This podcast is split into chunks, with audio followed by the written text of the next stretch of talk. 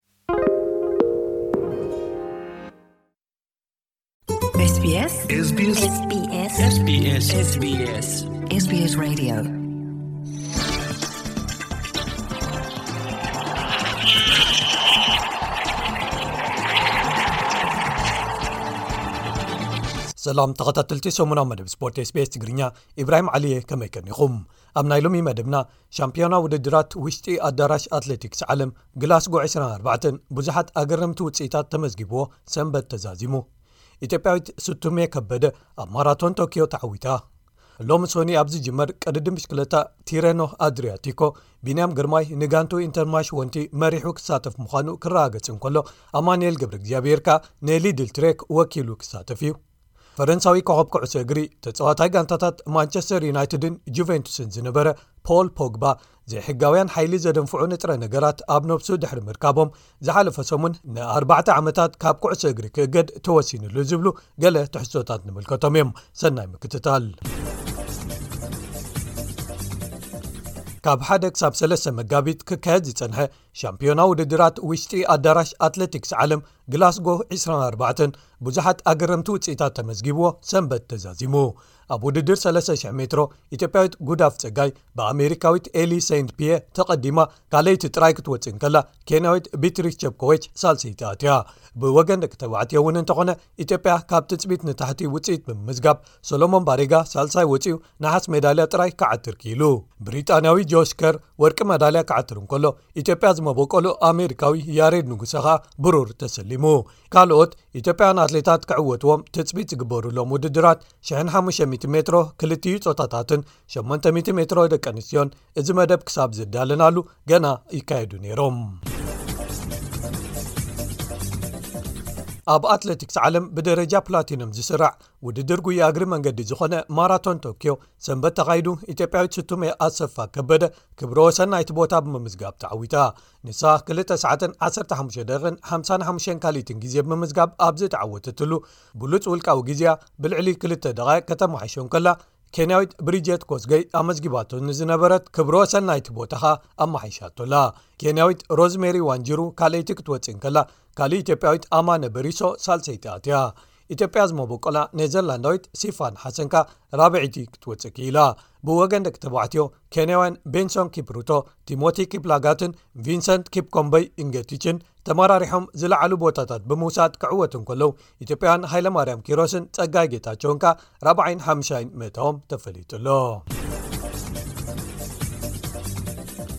ናብ ዜናታት ቀደድም ብሽክለታ ምስ ንሰግር ኣባል ጋንታ ወንቲ ሪዩስ ቴክኖርድን ሓዉ ንቢንያም ግርማይን ዝኾነ መዋእል ግርማይ ኣብ ቅዲ ድምሽክለታ ግራን ፕሪ ዴላቪል ደሊለርስ ሶቪኒር ብሩኖ ተሳቲፉ መበል 88 ደረጃ ሒዙ ውድድሩ ዛዚሙ ኣባል ኪው 365 ኮንቲነንታል ቲም ዝኾነ ኢትዮጵያዊ ነጋሲ ኣብርሃ ብወገኑ ኣብ ቅዲ ድምሽክለታ ትሮፈይ ፖረክ ፖረክ ትሮፊ ተወዳዲሩ መበል 67 ደረጃ ሒዙ ቅድድሙ ክውድእ ከሎ ኣብ ቅድድም ብሽክለታ ግራን ፕሪ ሲየድራ ኤንሸን ሲቲ ኣብ ቱርኪ ዝተሳተፈ ኤርትራዊ ጴጥሮስ መንግስ ካብ ጋንታ ቤይኮስ በሊድየሲ ስፖርት ቱርክየ ዝነኣድ ሻድሻያት እዩ ወዲ ጋንቱ ናትናኤል ብርሃንኻ መበል 31 ደረጃ ሒዙ ውድድሩ ዛዚሙ ብኻልእ ወገን መበል 59 ቅድድም ብሽክለታ ቲረኖ ኣድርያቲኮ እዚ ሒዝናዮ ዘለና ሰሙን ኣብ ኢጣልያ ክካየድ እዩ እቲ ሎሚ ሶኑይ ተጀሚሩ ሸውዓተ መድረኻት ብምክያድ ሰንበት ዝዛዘም ቅድድም ብዙሓት ሓያላት ኣቐዳድምቲ ዓለምና ክሳተፍዎ እዮም ኣብቲ ክሳብ ሕጂ ተዘርጊሑ ዘሎ ዝርዝር ተሳተፍቲ እምበኣር ቢንያም ግርማይ ንጋንትዊ ኢንተርማሽ ወንቲ መሪሑ ኣብዚ ውድድር ክሳተፍ ምዃኑ ክረጋገጽ እንከሎ ካልእ ኤርትራዊ ኣማንኤል ገብሪ እግዚኣብሔርካ ንጋንቶ ሊድል ትሬክ ወኪሉ ክሳተፍ እዩ ኣብ ዜናታት ኩዕሶ እግሪ ኣብ ፕሪምየር ሊግ ዓዲ እንግሊዝ ዝዓበየ ግጥም ናይዚ ሰሙን ዝነበረ ግጥም ኣብ መንጎ ጋንታታት ከተማ ማንቸስተር ወይ ማንቸስተር ደርቢ ብዓወት ማንቸስተር ሲቲ 3 ብሓደ ተዛዚሙ እቲ ንጋንታይ ዘለኒ ተኣማንነት ኣብ ምልክት ሕቶ ኣይኣቱን እዩ ክብል ዝገለጸ ማርከስ ራሽፈርድ ናይቲ ግጥም ቀዳመይቲ ሽቶ ብምምዝጋብ ንማንቸስተር ዩናይትድ መሪሕነት ሂብዋ እኳ እንተ ነበረ ሲቲ ብፊል ፎደን ኣቢላ ክልተ ሽቶታት ብኤርሊንግ ሆላንድ ኣቢላ ኸኣ ሳልሰይቲ ሽቶ ኣመዝጊባ ብገፊሕ ተዕዋቲት ኮይና ወፂኣ ኣላ ኣቐዲማ ቀዳም ግጥማ ዘካየደት ሊቨርፑል ንኖቲንግሃም ፎረስት ኣብ መወዳእታ ተወሳኺ ደቃይቕ ግጥም ብዳርዊን ኑነዝ ኣቢላ ኣካታዒት ሽቶ ብምምዝጋብ ሓደ ባዶ ተዓዊታ ኣርሴናል ግጥማ ኣንጻር ሸፊልድ ዩናይትድ ድሒራ ሎሚ ሰኑይ ምሸት ከተካይድ ብምዃና ፍልልያ ምስ ክልቲኤን ጋንታታት ንግዜኡ ገፊሑ ኣሎ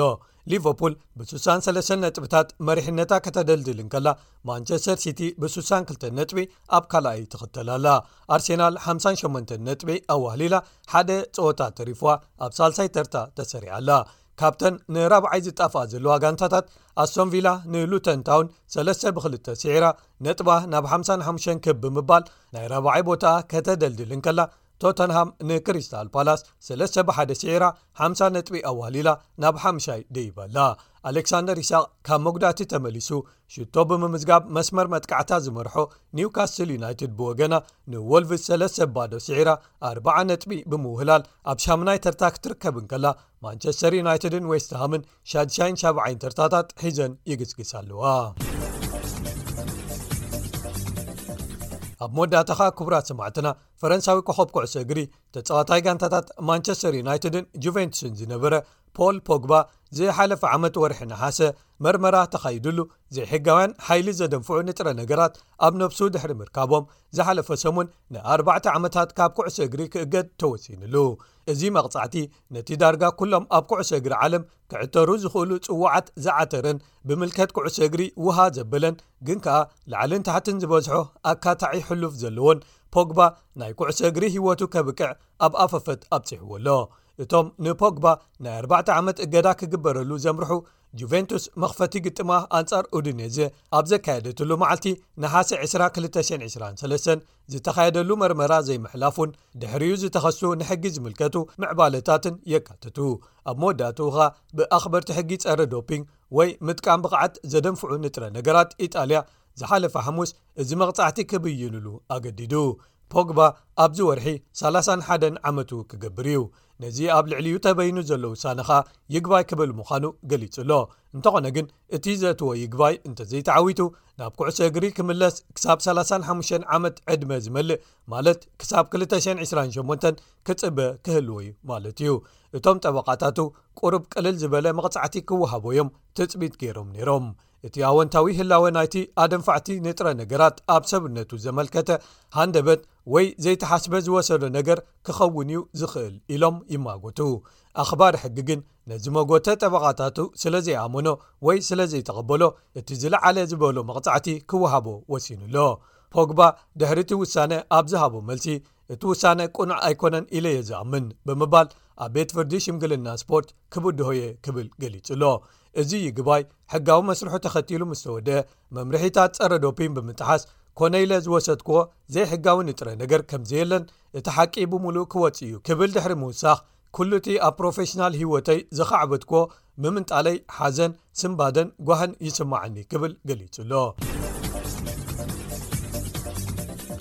ፖግባ ፈለማ ዝተቐልቀለ መንእሰያት ኣብ ዝምልመሉሉን ዝዓብይሉን ኣካዳሚ ጋንታ ማንቸስተር ዩናይትድ እዩ ነይሩ እንተኾነ ግን ኣብ 212 ዓ ም ናብ ጋንታ ጁቨንቱስ ብነፃ ድሕሪ ምዝውዋሩ ኣርባዕተ ተኸታተልቲ ፅዋዓት ሴርኣ ኣብ ኢጣልያ ተዓዊቱ እዚ ኸኣ ደጊሙ ናብ ማንቸስተር ክእለቱን ኣገልግሎቱን ጠለብ ክረክብ ገይሩ ኣብ 216 በቲ ናይቲ ግዜ ዝኸበረ ዋጋ ኣብ ዓለም ዝነበረ 89 ሚልዮን ፓውንድ ናብ ማንቸስተር ዩናይትድ ተዘዋዊሩ ዝኸበረ ተፃዋታይ ኣብ ማንቸስተር ዩናይትድ ብምዃን ከኣ ኣብ ኦልትራፈርድ ምስ ማንቸስተር ንሸዱሽተ ዓመታት ኣብ ዝጸንሓሉ ዋንጫ ዩሮፓ ሊግን ዋንጫ ሊግ ዓዲ እንግሊዝን ተዓዊቱ ኣብ 218 ዋንጫ ዓለም ፊፋ ኣብ ግጥም ፍጻመ ኣንጻር ክሮኤሽያ ሽቶ ብምምዝጋብ ፈረንሳ ተዓዋቲት ክትከውን ኣኽኢሉ ኣብቶም ድሒሮም ዝነበሩ ዓመታት ግን ናብ ጠርዚ ናይቶም ናይ ቀደም ብቕዓታቱ ክበጽሕ ኣይከኣልን ኣብ 222 ካብ ፕሪምየር ሊግ ወጽኡ ናብ ጁቨንቱስ ካብ ዝምለስ ንደሓር ከኣ ተደራረብቲ ዕንወታትን ጸገማትን ጥራዮም ተቐቢሎሞ እቲ ኣብ ሰብነቱ ዝተረኽበ ንጥረ ነገር dኤችea ዝበሃል ዓይነት ስቴሮይድ ኮይኑ መጠን ሆርሞን ወዲ ተባዕታይ ወይ ቴስተስትሮን ክድንፍዕ ዝገብር እዩ ቀዳማይ ቅምሶ ተወሲድሉ ህላወ ናይዚ ንጥረ ነገር ድሕሪ ምምልካቱ ፖግባ ካልኣይ ቅምሶ ክውሰደሉ ሓቲቱ እቲ ኣብ ወርሒ ጥቅምቲ ዝተወስደ ካልኣይ ቅምሶ እውን ተመሳሳሊ ውፅኢት ብምምልካቱ ህላወ ናይቲ ንጥረ ነገር ኣረጋጊጹ ጋንተ ጁቨንቱስ ድሕሪኡ ውዕሉ ደው ከተብሎ ክትሓስበሉ ተቐሲባ